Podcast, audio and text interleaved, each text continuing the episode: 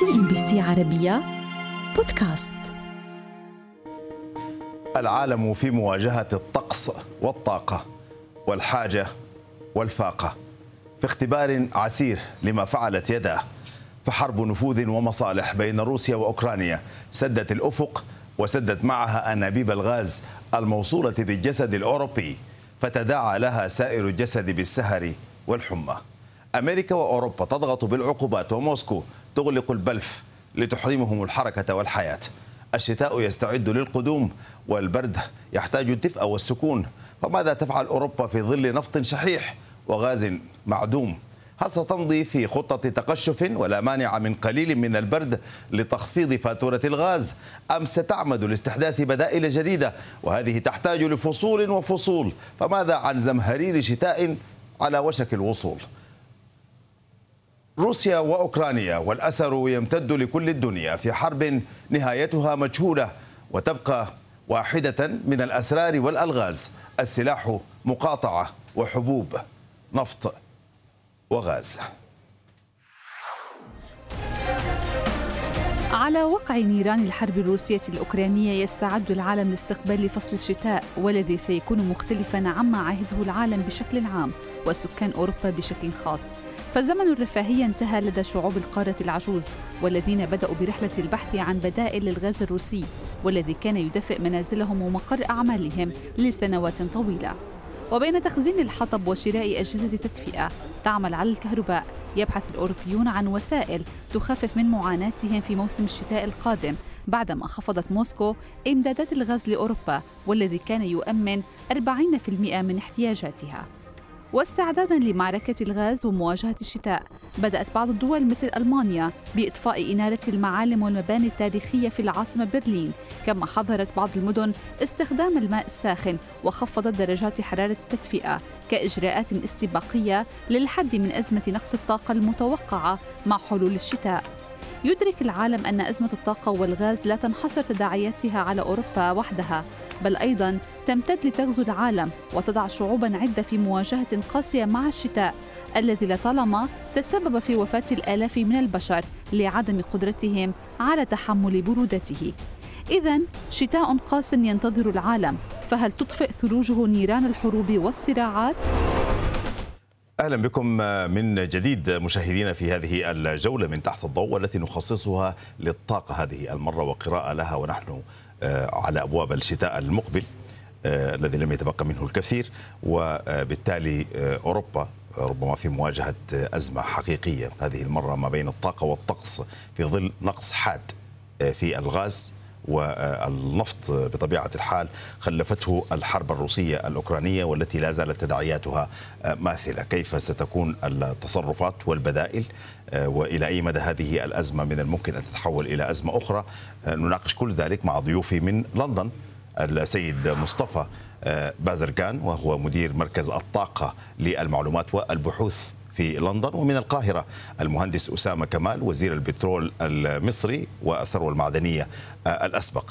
أرحب بكم ضيفي الكريمين وإلى لندن سيد مصطفى مدير مركز الطاقة للمعلومات والبحوث في لندن حتى تضعنا في جوهر وقلب المعضلة والمشكلة والأزمة. يعني كيف تقيمون الموقف الأوروبي من الطاقة وشحها استعدادا للشتاء؟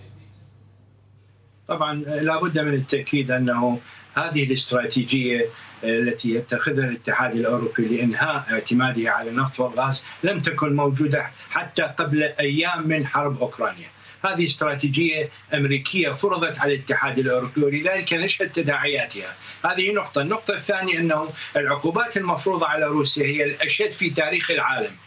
ولذلك كان هناك تأثير على الاقتصاد الروسي ولكن تداعياتها على الاقتصاد الأوروبي واضحة. وكما ذكرتم في تقاريركم أنه آه، آه، دول الاتحاد الأوروبي ستشهد شتاء شديدا، هذه النقطة الثانية، النقطة الثالثة التي لا بد من ذكرها أنه آه، كان هناك توجه أنه إذا امتنع الاتحاد الأوروبي عن شراء النفط والغاز الروسي فستكون هناك وفرة وسيتوقف إنتاج أو يقل إنتاج الغاز والنفط الروسي. ولكن شهدنا عكس ذلك.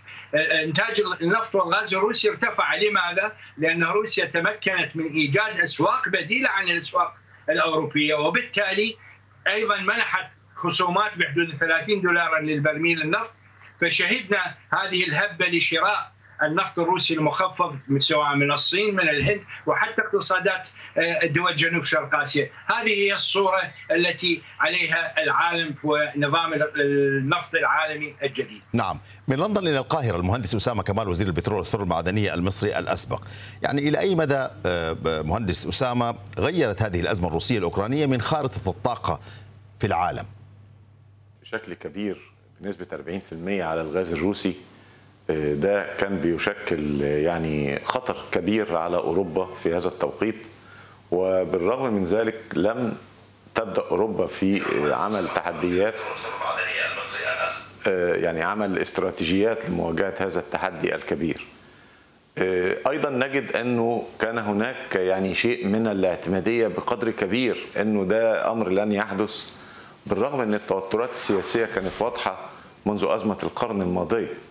نضف إلى هذا إنه في الوقت الحالي الدول الغربية وأمريكا تحديدا تعلم قيمة الطاقة وهناك ترشيد فعلي موجود على الأرض.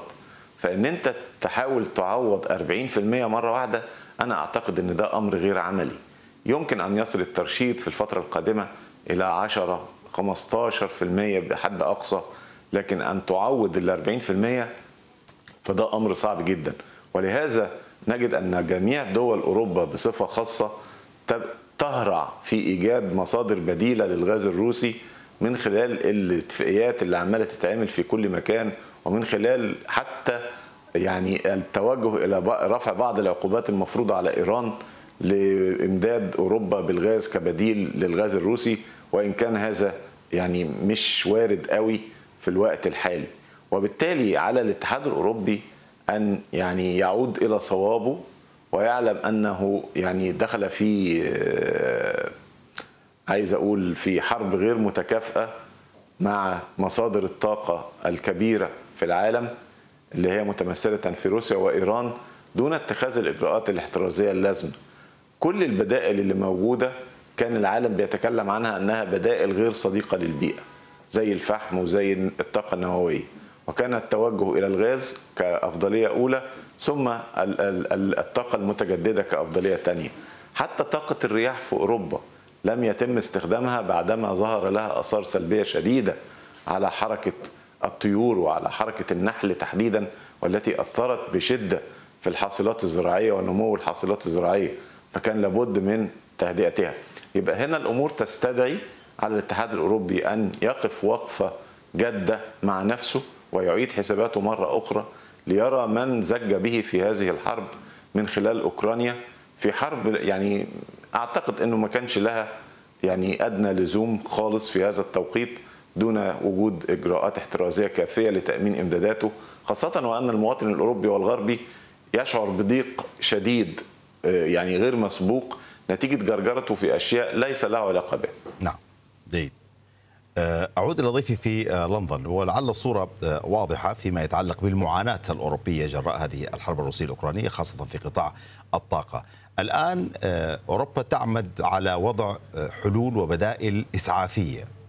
دعوة للترشيد للتخفيض ألمانيا تقول يجب أن يعني درجات الحرارة تكون في 19 20 حتى لا تستهلك الغاز فرنسا تطالب بإغلاق المحال المكيفة إلى ما ذلك من هذه الحلول هل هي مجدية؟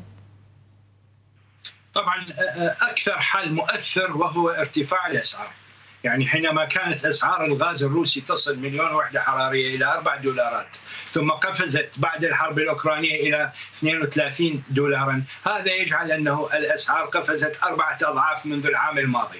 ولذلك الأسعار هي التي ستلعب دورا كبيرا في خفض الاستهلاك من جانب المواطن. لماذا؟ لأن هناك تضخم مرتفع أكثر من 40 عاما هناك ركود متوقع وحينما يكون الركود مع التضخم ستكون حالة خطيرة اقتصادية. هذا الذي سيؤثر على خفض استهلاك الغاز. هذه نقطة النقطة الثانية أن هناك التزامات بيئية تم تغييرها. يعني البرلمان الأوروبي أضاف إلى الطاقة الخضراء الغاز والطاقة النووية، هذا لم يحدث في السابق، هناك إشكالات في هذه النقطة، النقطة الثالثة والمهمه أنه دول أوروبا مختلفة، لماذا؟ ألمانيا الغاز البديل هو الغاز المسال، لحد هذه اللحظة التي نتكلم فيها ألمانيا ليست لديها أي محطة للتعامل مع الغاز المسال. هناك دول أخرى لديها محطات إيطاليا، إسبانيا، فرنسا تعتمد 70% على الطاقة النووية، ولذلك شهدنا هذا التفاوت في التأثر عن يعني توقف الاعتماد على النفط والغاز الروسي. ولكن هناك ما يطلق عليه الأبواب الخلفية. يعني على سبيل المثال لابد من ذكره. هناك نفط روسي يذهب إلى الهند يتم تكريره ويعاد بيعه إلى الشركات الأوروبية. هذه نقطة. النقطه الثانية كان هناك تصريح أمريكي فيما إذا تمت الموافقة على وضع سقف أعلى لأسعار النفط الروسي سيكون بالإمكان التعامل مع النفط الروسي، هذه جميعها من تداعيات عدم وضع خطة سابقة للتخلص من الاعتماد على النفط والغاز الروسي. نعم. مهندس أسامة كمال في القاهرة وزير البترول المصري الأسبق، دعنا نتحدث عن البدائل المتاحة في سبيل إيجاد الغاز والطاقة نبحث في هذا الموضوع بعد فاصل قصير. أرجو أن تبقيا معنا ضيفي الكريمين وأنتم كذلك مشاهدي الكرام والطاقة وأزمة الطاقة والطقس حاضرة في هذه الجولة من تحت الضوء. CNBC عربية بودكاست. أهلا بكم من جديد في هذه الجولة من تحت الضوء والتي نتحدث فيها عن الطقس والطاقة والشتاء المقبل وأزمة أوروبا فيما يتعلق بالطاقة والغاز على وجه التحديد مع ضيفين من لندن السيد مصطفى بازرغان وهو مدير مركز الطاقة للمعلومات والبحوث في لندن ومن القاهرة المهندس أسامة كمال وزير البترول والثروة المعدنية المصري الأسبق. مهندس أسامة دعنا نتحدث عن البدائل المتاحة بسياسة الأمر الواقع بمعنى أن هناك يجب أن تكون هناك بدائل للغاز الروسي، نتفق بأنها ليست لا يوجد بديل بالمطلق هكذا للنفط الغاز الروسي باعتبار النسبة العالية للاستيراد، ولكن ما هو متاح يعني؟ ما هو الأنسب في تقديرك؟ مصر، الجزائر نتحدث عن عن هذه الدول ربما الأغرب قطر. تمام. خلينا يعني نقر حقيقة واقعة أن معظم بلدان العالم أو القارات لديها بدائل. أمريكا لديها بدائل أن تنتقل من الغاز إلى الغاز الصخري من البترول إلى البترول الصخري إلى الطاقة الشمسية إلى الطاقة النووية. لديها بدائل وتستطيع أن تصمد. أمريكا اللاتينية شرق أفريقيا أفريقيا لديها بدائل أيضا كثيرة وخاصة في مجالات الطاقة البديلة زي الطاقة الشمسية إلى جانب وجود الثروات الطبيعية زي البترول والغاز. آسيا طبعا لديها البدائل منطقة شرق آسيا تحديدا دي فيها أكثر من يعني 50% من احتياطيات العالم من النفط والغاز. أوروبا ليس لديها هذه البدائل فيما عدا منطقة واحدة اللي هي منطقة المملكة المتحدة وبحر الشمال تحديدا والإنتاج هناك مش رخيص. يبقى هنا البديل الوحيد أمام أوروبا في الفترة القادمة أن تراجع حساباتها السياسية وأنا أعتقد إن ده هيبقى حجر زاوية في أوروبا للفترة القادمة هي مراجعة حساباتها السياسية والاقتصادية مع كل دول النفوذ في العالم لأنه أوروبا تركت وحيدة في هذه الأزمة دون بدائل حقيقية على الأرض. أمريكا لم تمد أوروبا بأي كميات إضافية من الغاز أو البترول الأمريكي وبل بالعكس ده هي يعني سايباها ومفيش فهنا يجب على أوروبا أن تجد البدائل المنطقية. البدائل المنطقية أنها لجأت بالفعل ويمكن شاهدنا في الشهرين ثلاثة الأخر لقاءات مكثفة ما بين المندوبين الأوروبيين سواء من ألمانيا من إيطاليا الاتحاد الأوروبي كممثلين في زيارات لمصر وبالتحديد والاجتماع مع دول منتدى الشرق المتوسط في محاولة لإيجاد بديل من هذه الدول المجتمعة المنتجة للبترول والغاز في هذه المنطقة زي إسرائيل ومصر وقبرص حاليا ويمكن بعض الدول الأخرى. نجد أيضا هناك بدائل في ومحاولات للتهدئة مع إيران لأن المفروض على إيران المفروض على إيران هو عقوبات أمريكية وليست عقوبات دولية وبالتالي يمكن التعامل معها أيضا. وشفنا يمكن أنه بعض الدول حصلت على يعني تصريح باستيراد الوقود الإيراني من قبل زي ما شفنا الهند والصين وكوريا الجنوبية يمكن وإيطاليا. فهذه المحاولات قد تكون البدائل قصيرة المدى لكن على المدى الطويل أعتقد أن أوروبا عليها أن تراجع حساباتها فيما يتعلق بإمداداتها من الطاقة وإنها تعيد حساباتها مرة أخرى في آه، إقامة مجموعة كبيرة من مشروعات الطاقة الشمسية والطاقة المتجددة في القارة البكر إفريقيا وإمدادها بالطاقة البديلة بدلا من الكهرباء الم- المعتمدة بكثرة على الغاز الروسي.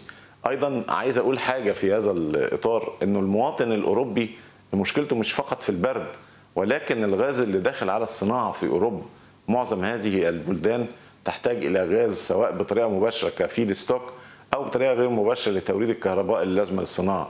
فهذه الصناعات قد يكون في شهري يوليو واغسطس نتيجة وجود أجازات كثيرة في أوروبا في هذا التوقيت قد يكون احتياجاتها منخفضة لكن في الشتاء لن يتحمل الاقتصاد الأوروبي ألا يعتمد على مصدر بديل للطاقة وبالتالي أعتقد أنه لابد هيكون في حل لهذه الأزمة قبل نهاية أغسطس علشان ما أوروبا ما تخشش في نفق مظلم. جيد آه، وحتى ذلك الحين سيد مصطفى بازرقان يعني أوروبا تعلن بأنها ستتخلى عن الغاز الروسي نهائيا بنهاية العام، هل هذه قرارات سياسية أم قرارات اقتصادية؟ على ماذا تبني أوروبا آه، مثل هذه التوجهات يعني آه، ما الذي يدور في العقل الأوروبي في في هذا الاتجاه؟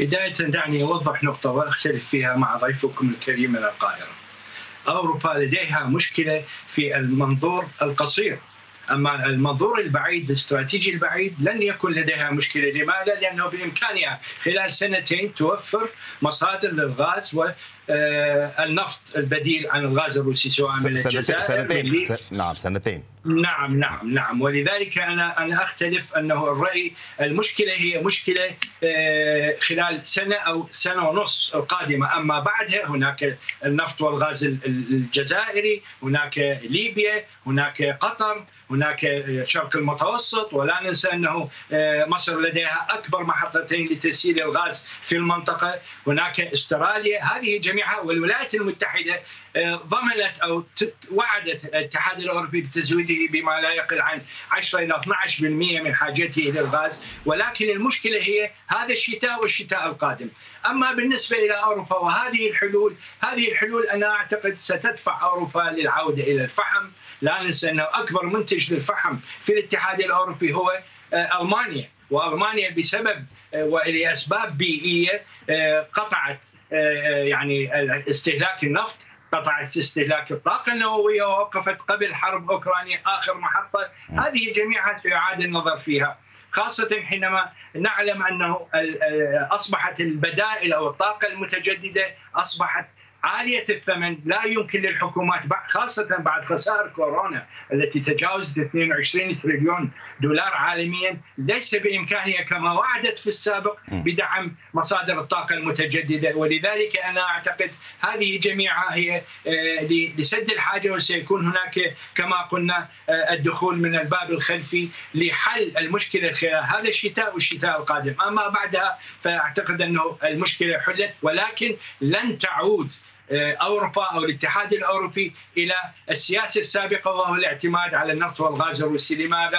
هذا هو سبب سياسي الانصياع إلى الضغط الأمريكي. جيد آه، سيد أسامة آه، كمال يعني إذا كانت المسألة مسألة عام أو عامين في القاهرة آه، ضيفي في القاهرة إذا كانت المسألة عام أو عامين فهي مقدور عليها آه، دون إعلان التنازل أمام روسيا هذه تعتبر هزيمة آه، لأوروبا وهي تعلن هذا الموقف الصريح تجاه آه، روسيا وبالتالي له آه، تبعاته. ولماذا التقليل من شأن العقوبات المفروضة على آه، روسيا وتأثيرها هي الأخرى في هذا البلد؟ المؤشرات الاقتصادية في روسيا تقول بأن ثم تأثير يحدث وأنه يتفاقم بمرور الوقت. يعني روسيا ليست بمنأى عن الوجع الأوروبي.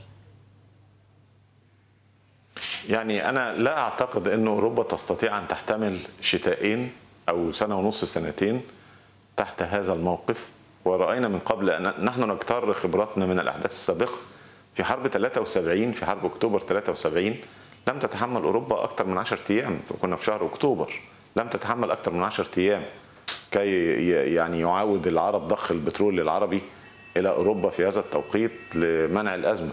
وشهدنا من قبل في أزمات سابقة برضو في يمكن في يونيو 2014 لما هددت بعض الدول الغربية بانها تفرض عقوبات على مصر بعد الثورة شفنا وزير الخارجية السعودي رحمة الله عليه في هذا التوقيت قال إنه الدول العربية ستساند مصر ولو استدعى الأمر يعني تكرار مسألة العقوبات بإمداد النفط والغاز. ولم يعني في هذا التوقيت الكل استجاب على طول. فانا لا أعتقد أنه يعني أوروبا على استعداد أن تمر بهذه التجربة لمدة سنة ونص أو سنتين. الحقيقة إنها فوق طاقة فوق طاقة أي حد. لكن بتفق تماما مع المبدأ إنه الاعتماد بنسبة كبيرة تصل إلى 40% على مصدر واحد يشكل خطورة طبعا. وبالتالي ستكون البدائل هي الاعتماد على مصادر أخرى بديلة. ويكون هناك يعني رده في بعض المقررات البيئية التي تم فرضها من قبل. بحظر أو تقليل استخدام الفحم والطاقة النووية بإعادة استخدامهم طبقا لمعايير جديدة أو يعني محاذير أخرى يتم مراعاتها في المستقبل. برضو متفق مع زميلي في إنه طبعا الاتجاه بتخفيض بعض العقوبات اللي موجودة على إيران وإيجاد بدائل خلفية من مناطق أخرى أو صحيح. بدائل من امدادات طاقة نعم. عايز أقول مثلا انه يعني كل دول الخليج والجزائر م. بتنتج بكل طاقتها حاليا نعم. وهناك أزمة. على فما كل. فما, فما هو البديل الذي ممكن أن تقدمه صحيح. هذه الدول صحيح. كزيادة في الإنتاج؟ وتبقى يعني هذه- شيء نعم. هيبقى صعب. صحيح. تبقى هذه الأزمة ماثلة وحاضرة آه، بوجود مسبباتها. أنا أشكر ضيفي من لندن السيد مصطفى بازرقان وأنت مدير مركز الطاقة للمعلومات والبحوث آه، في العاصمة البريطانية ومن القاهرة المهندس أسامة كمال وزير البترول والثروة المعدنية المصري الأسبق. شكرا آه، جزيلا لكما أثريتم الحوار. وشكرا لكم مشاهدي الكرام وتبقى هذه الأزمة ماثلة بطبيعة الحال ونحن أمام شتاء قاسي آه، في آه، أوروبا. شكرا لكم إلى اللقاء. CNBC عربية بودكاست.